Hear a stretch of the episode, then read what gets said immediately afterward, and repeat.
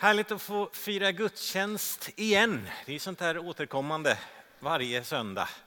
Hoppas att det är det för dig också. Eh, kan eh, res på dig en kortis och sen så hälsar du på någon som sitter framför bakom som du inte har sagt hej till och berättar att du är glad att se dem.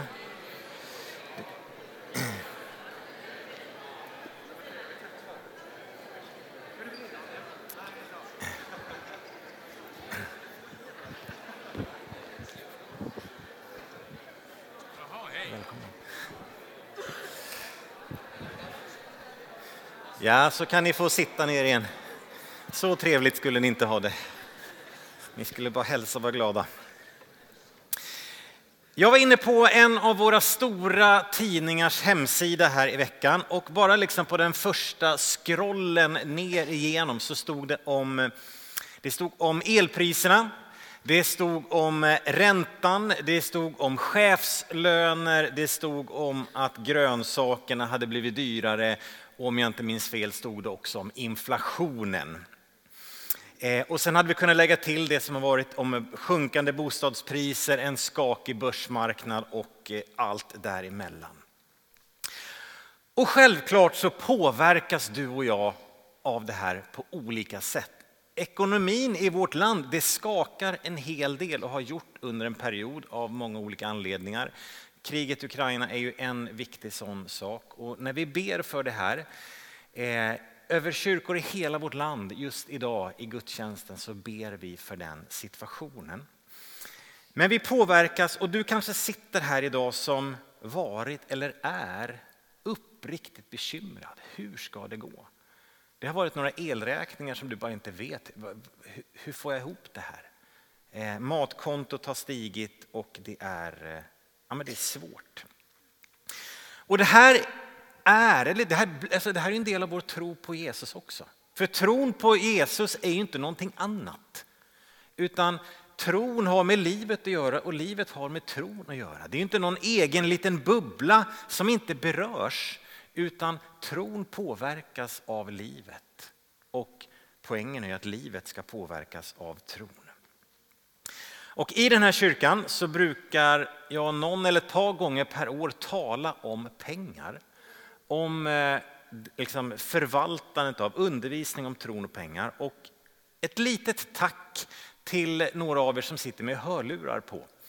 Eh, för att eh, i kyrkor i andra länder och kulturer, där är det här med givandet ofta en naturligare och större del och mer återkommande. Och jag har fått lite frågor om det där några tycker att Jörgen, du måste tala mera om givande och pengar.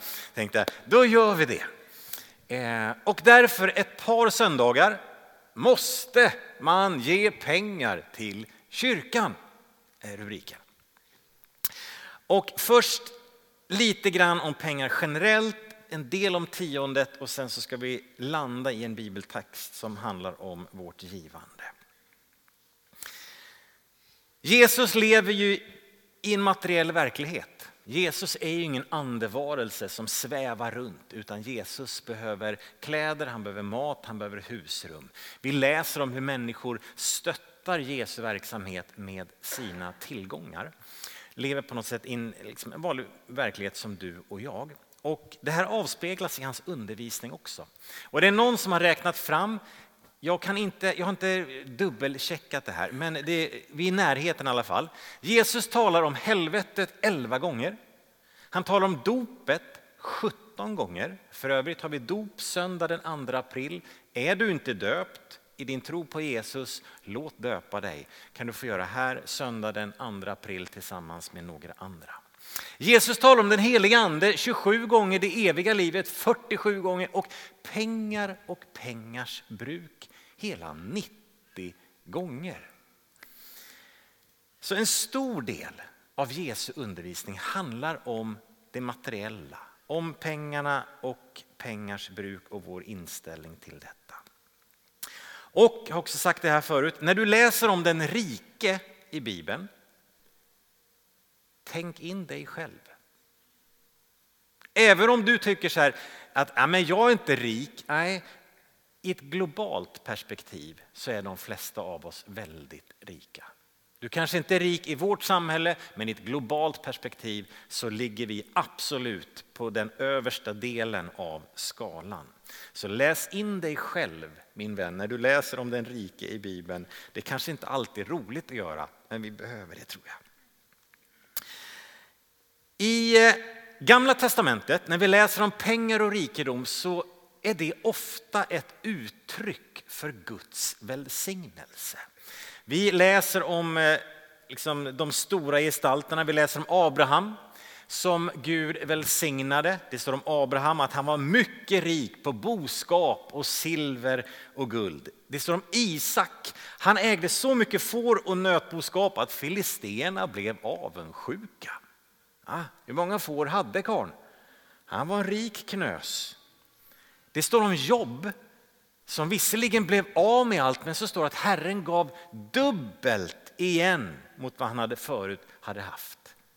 Så vi läser om många rika, framstående människor i Bibeln som också är liksom förgrundsgestalter i tron. Och när man såg alltså, att materiell välsignelse, liksom, det var Guds välsignelse.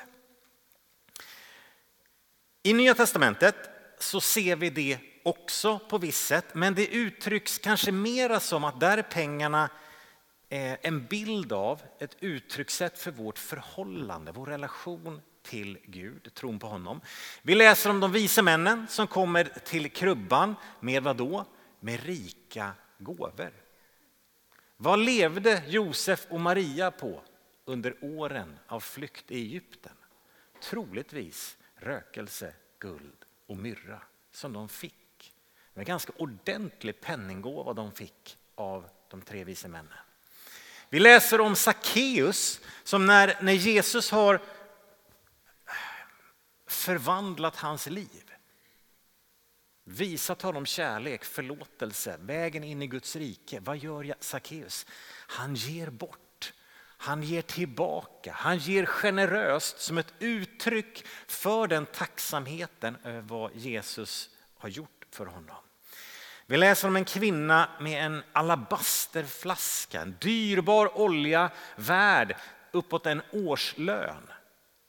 Tänk dig en årslön i Sverige idag. Hon knäcker den här parfymflaskan, den här oljan och häller ut över Jesu fötter och, den, och doften uppfyller huset en årslön i ett nu. Som ett tecken. Förstår du den kärleken? Eller vi läser om Barnabas, tröstens son, postlärningen som sålde en åker och gav pengarna till församlingen. Återigen, det är såna rader som man läser. Ja, Barnabas han sålde en åker och gav till församlingen och så läser man vidare nästa vers och så bara vänta, hallå, stanna upp. Du som sitter på en extra tomt. Ja, men tänk efter. Om jag skulle ha en extra tomt någonstans och så säljer jag den och så tar jag bara hela det kapitalet. Det är ju det som händer. När människor ger mycket, stora gåvor som ett, liksom ett uttryck för tacksamhet och tillbedjan och kärlek till Gud. Sen ser vi både Gamla testamentet och Nya testamentet varningar runt pengar och pengens makt. Jesus, när han talar om rikedom, när han talar om mammon, så är det som att, men det här med att vi säger ibland att men pengar är neutralt. Mm. När vi läser en del av Jesu ord så är frågan om, är pengar helt neutrala? Ja, lite tveksamt kan ta näst, visst hade jag en, eh, ja precis de bibelorden. Jesus säger, se till att ni aktar er för all slags girighet. Ty en människas liv består inte i att hon har överflöd på ägodelar. Paulus säger att kärleken till pengar är roten till allt ont. Jesus säger också, ni kan inte tjäna både Gud och mammon. Alltså är det någon, någon makt jag tjänar. Inte så att pengar, liksom, bara för att jag har pengar så är det ont, men det är inte helt neutralt enligt vad Jesus säger. Så varningar finns det gott om också. Och kan vi säga att det, det dominerande förhållningssättet till pengar, till rikedom Eh, skyddet mot girigheten, det är motsatsen. Det är generositeten. Givmildhet, att leva i det. Ett gott sätt att hantera våra pengar. Och eh, jag tänkte när vi sjöng här nu, det enda som bär igenom alla tider. Det enda som bär igenom alla tider. Vet, allt det du äger och har, hur mycket det än är. För det första, när du är borta så får du inte mer än något av det. Hur många företag har funnits som har varit kvar de sista 500 åren? Nej, det är inte så många. Nej, de flesta företag lever ganska kort. Jätteföretag, jättegrejer. det, bara, det byts av om vartannat, om vartannat, om vartannat. Och vad finns någonstans mitt i här? Jesus, tron på honom, Guds församling har stått kvar. Det enda som bär genom alla tider. Det var lite generellt om pengar och det materiella överlag. Om vi då går in på detta med tiondegivandet. Är tiondegivandet aktuellt idag överhuvudtaget? Det var en som sa till mig för flera år sedan, så här, jag har hört att det är dyrt att vara med i Pingstkyrkan, är det så? Ja, det kan man fundera på. Tiondegivandet, alltså att ge 10 procent av sin inkomst, det var en lag i Israel. Vi läser den i, en, i hela gamla testamentet. En regel för dem i det gamla förbundet. Att av sin gröda, av djurens avkomma, av det man fick in, så gav man 10 procent till templet. Och eh, en del av det gick till lön, alltså till prästerskapets uppehälle. För, för tempeltjänsten var ju ganska stor, omfattande och betydelsefull. Och för att prästerskapet skulle leva och ha mat på bordet så behövde de ha någonting. Så att en del av tiondet gick till prästerskapet som deras lön och de i sin tur skulle ge tionde på det de fick. Så en del gick till det. En del gick till, jag kallar det festoffer, kanske lite dåligt ord, men när man gick till templet med ett djur som skulle offras med kanske bröd, med olja, med säd, med grönsaker så tog man det till templet. Men sen var man kvar i templet och åt tillsammans av det som var. Det tillagades och så åt man tillsammans i templet av det man hade tagit dit. Och en del av det här, kan vi säga, det, blev, det blev bara gåvor till Gud. Det eldades upp och blev som ett rökelseoffer till Gud. Och om du tänker på när vi ger kollekt idag, på församling idag. Tänk så här, ja, men vet, det är inte så stor skillnad. En del av det som du ger, det går till prästerskapets lön. För att vi anställda ska ha mat på bordet. För att på något sätt rodda en del av det som sker, för att det ska funka. Och sen, självklarhet för mig, det är klart att då ger jag tionde på det jag får. Så en del går till prästerskapets försörjning fortfarande. En del festoffer. Tänk så här, ja men det är inte bara att du ger till kyrkan och aldrig är här. Nej, utan du kommer ju hit och får del av gemenskapen, på något sätt av festen, av allt det som sker. Olika typer av verksamhet. En del av er är med i lite grejer och en del av er i jättemycket grejer. Man får del av det som är. Och en del av det här kan man säga gåvor bara till Gud. Kan man tänka där? Ja, men det är sånt där som vi egentligen inte får del av, utan vi ger bort. Vi ger till mission. Vi är med och stöttar runt om i världen, evangelister och hjälparbete. Så det, på sätt, det går till annat, där Gud verkar på andra ställen. Så principen är egentligen densamma i hur vi hanterar kollekten fortfarande. Och ett mönster som är väldigt tydligt när du läser ditt gamla testamente, det är att när, när tron går ner, när folket liksom börjar tappa fokus på Gud och man börjar följa lite avgudar och gå på lite villovägar så försvinner tiondegivandet ganska snabbt från folket.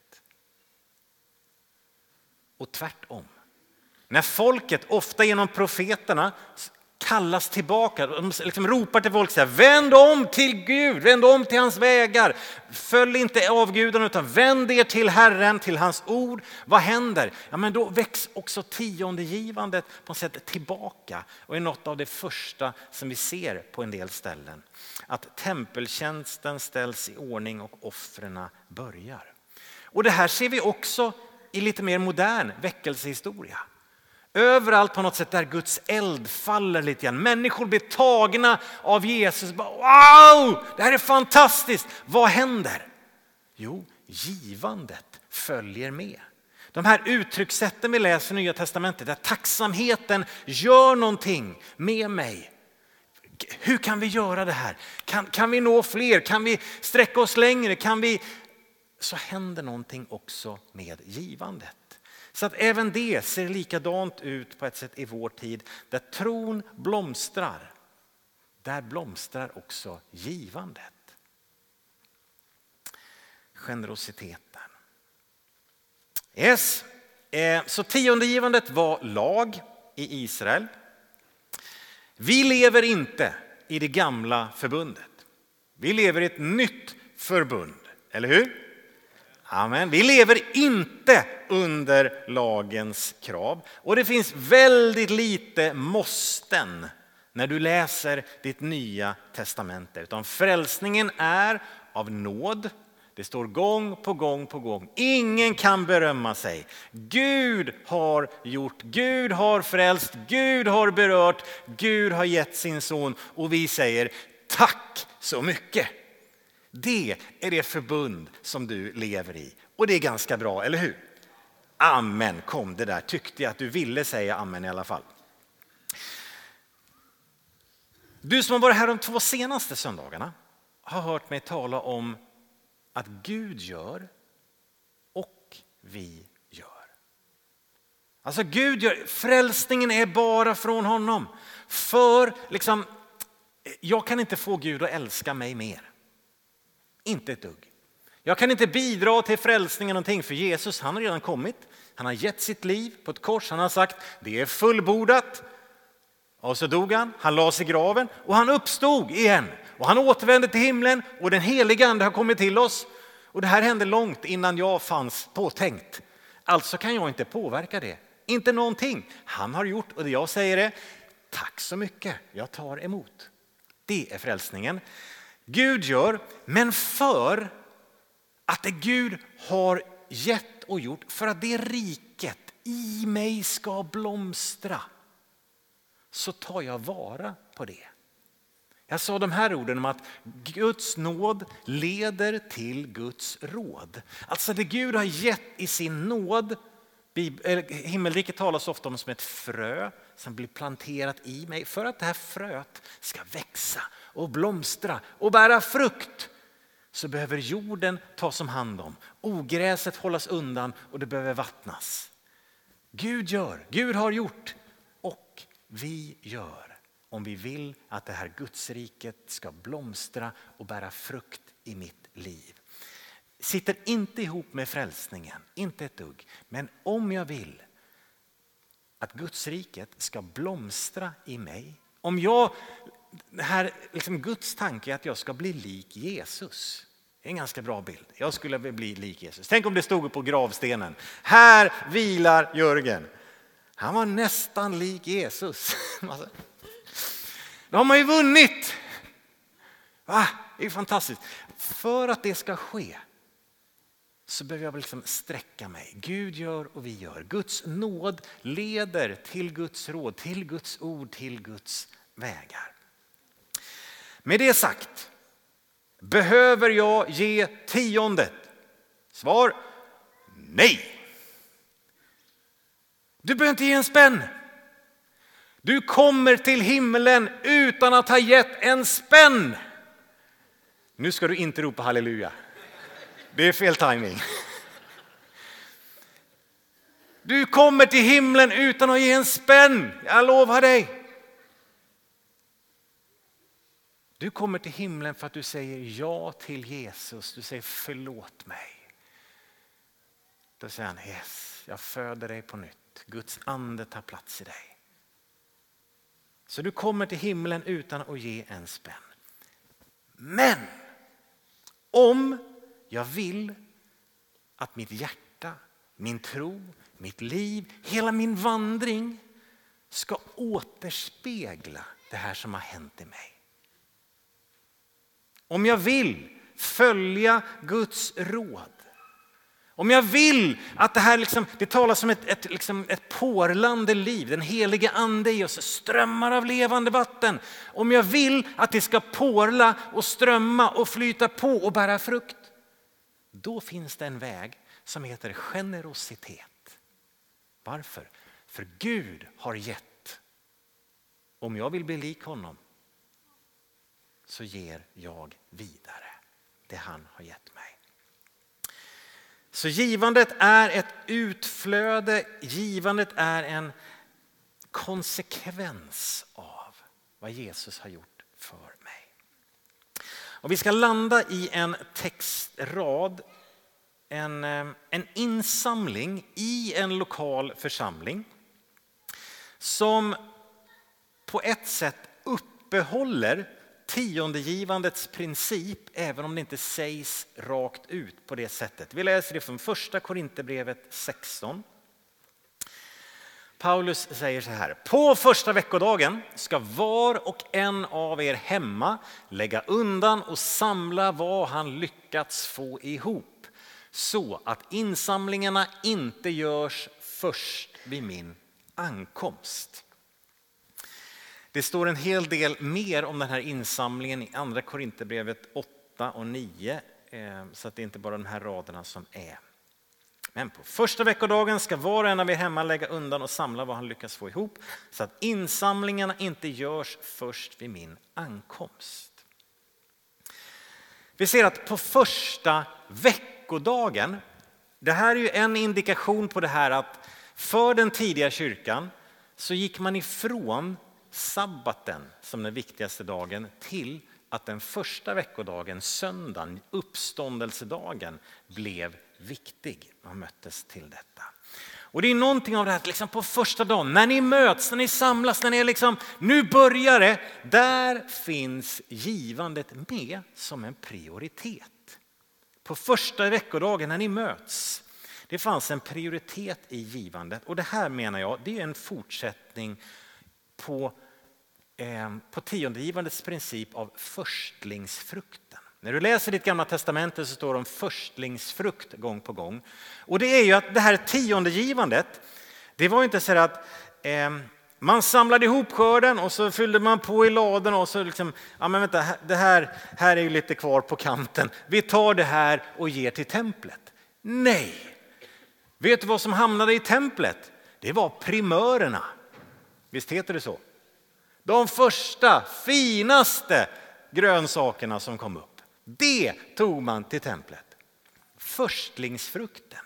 Vilket djur tog man? Jo, det första djuret som föddes.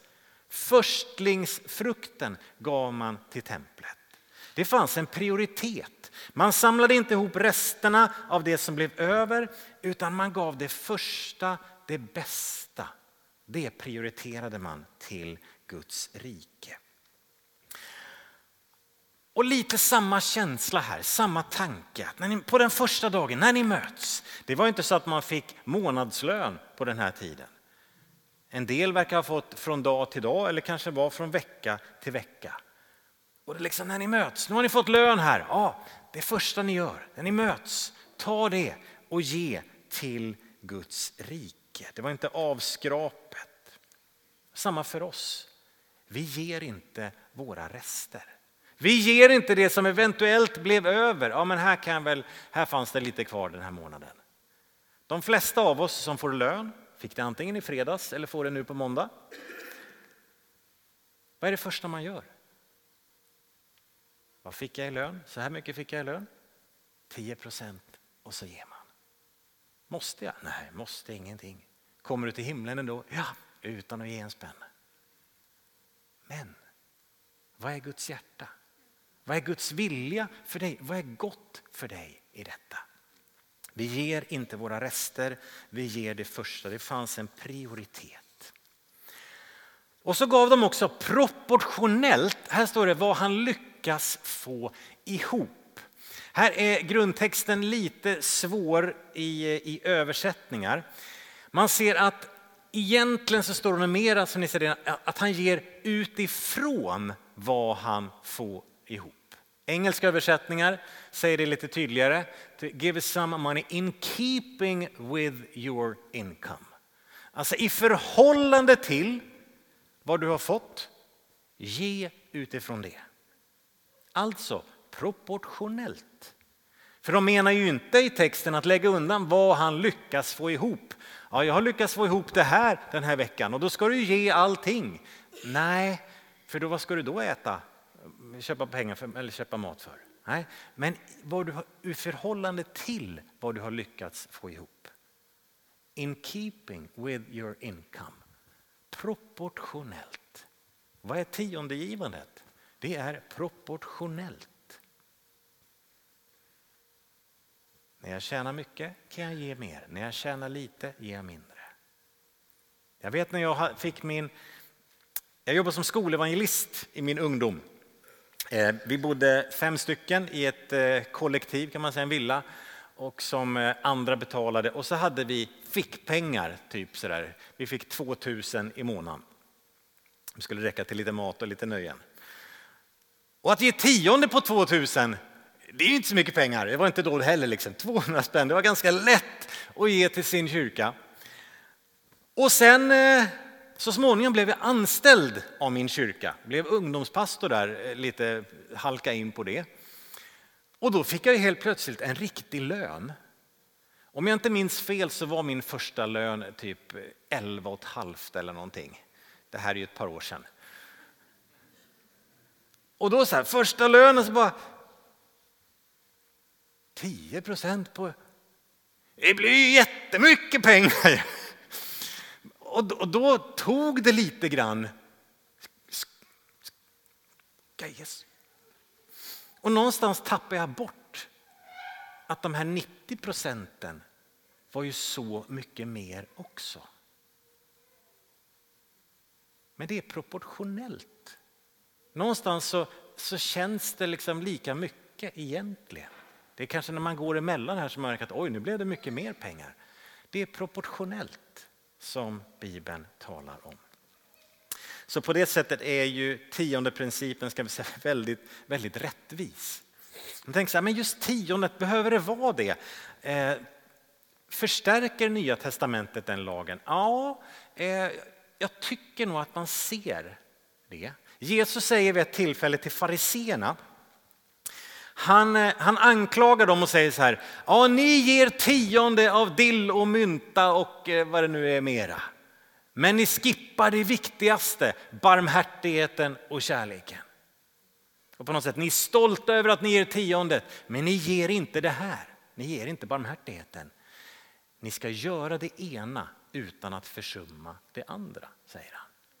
Så det verkar inte som han säger att Nej, det där är inte nödvändigt. Eller var det bara till fariseerna eller inte? Ja, jag tycker att man ser tionde principen som en liksom, riktningsvisare även i Nya Testamentet. Det är proportionellt. Och den tredje punkten är att det är regelbundet, att det inte görs först vid min ankomst, säger Paulus. Utan ge på första dagen, på första dagen, på första dagen, på första dagen. Så att det inte bara blir när jag kommer dit och har ett brandtal, nu ska vi samla in pengar till grejer och bara ah, okej okay, det är väl bra och så ger man lite grann i stunden.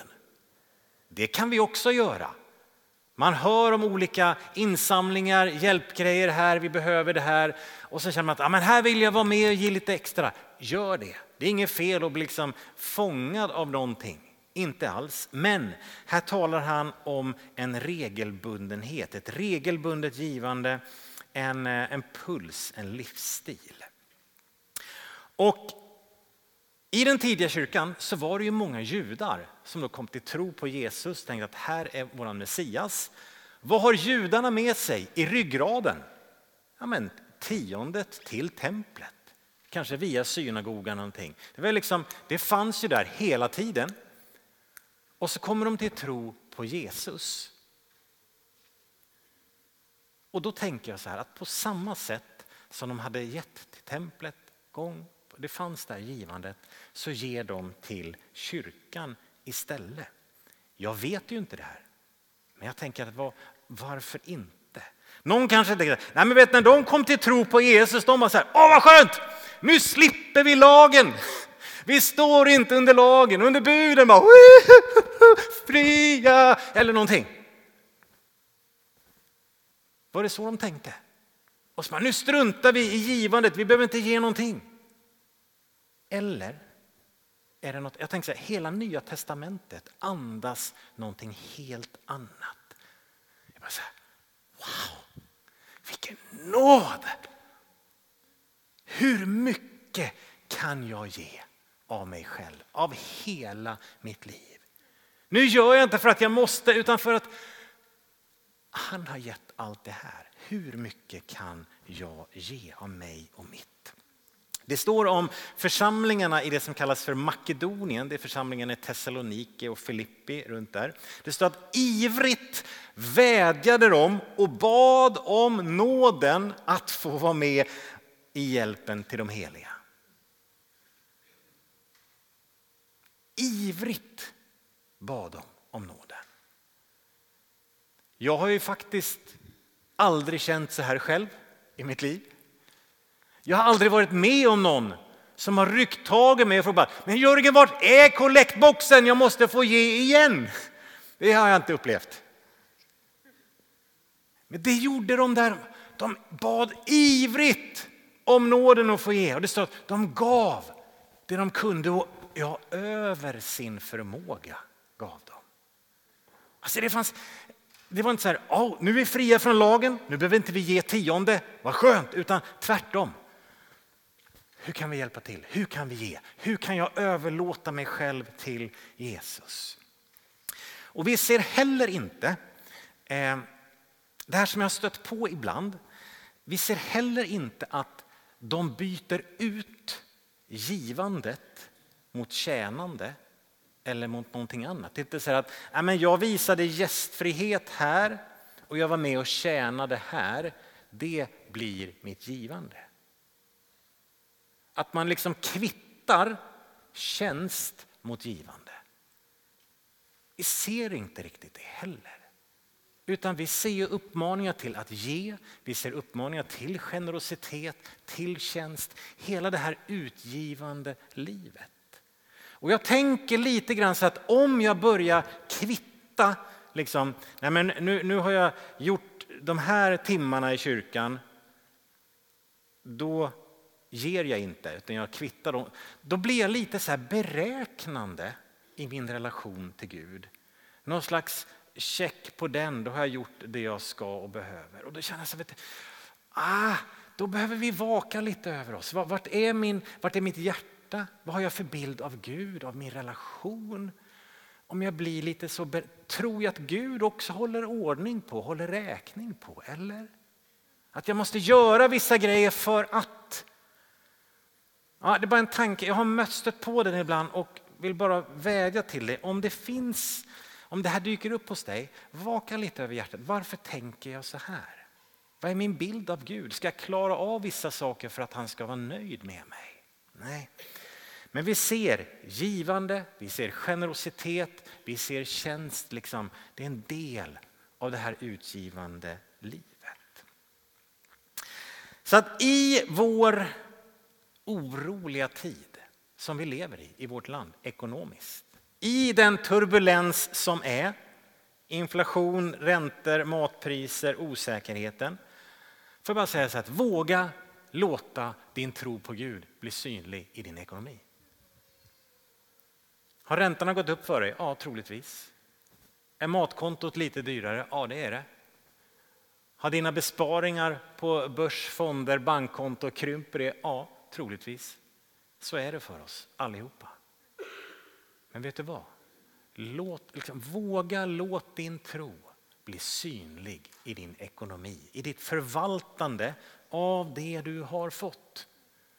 För att jag vet att det enda som bär igenom alla tider, det är börsen. Nej, det är det inte heller. Det enda som bär genom alla tider, det är Guds nåd. Det är det som kommer bära.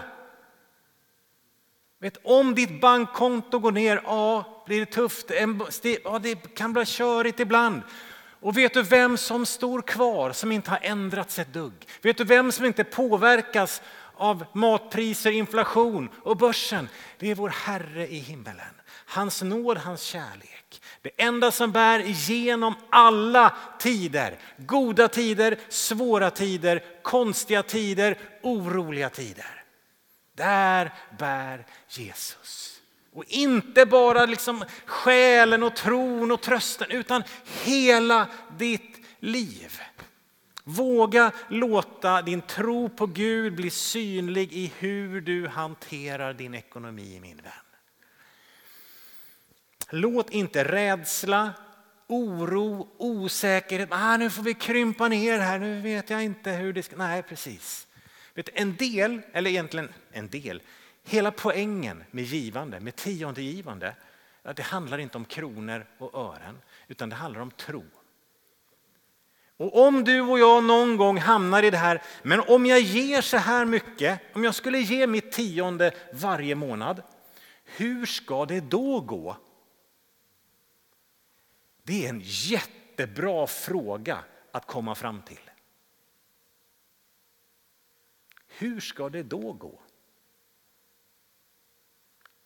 Och då har jag på något sätt sagt att jag litar på, jag sätter min förtröstan i de här pengarna mer än vad jag litar på Herren. Det handlar om tro. Litar jag på Gud? Och sen kanske nästa söndag får se, jag är inte riktigt framme där, finns det massa löften om hur Gud svarar upp mot tro.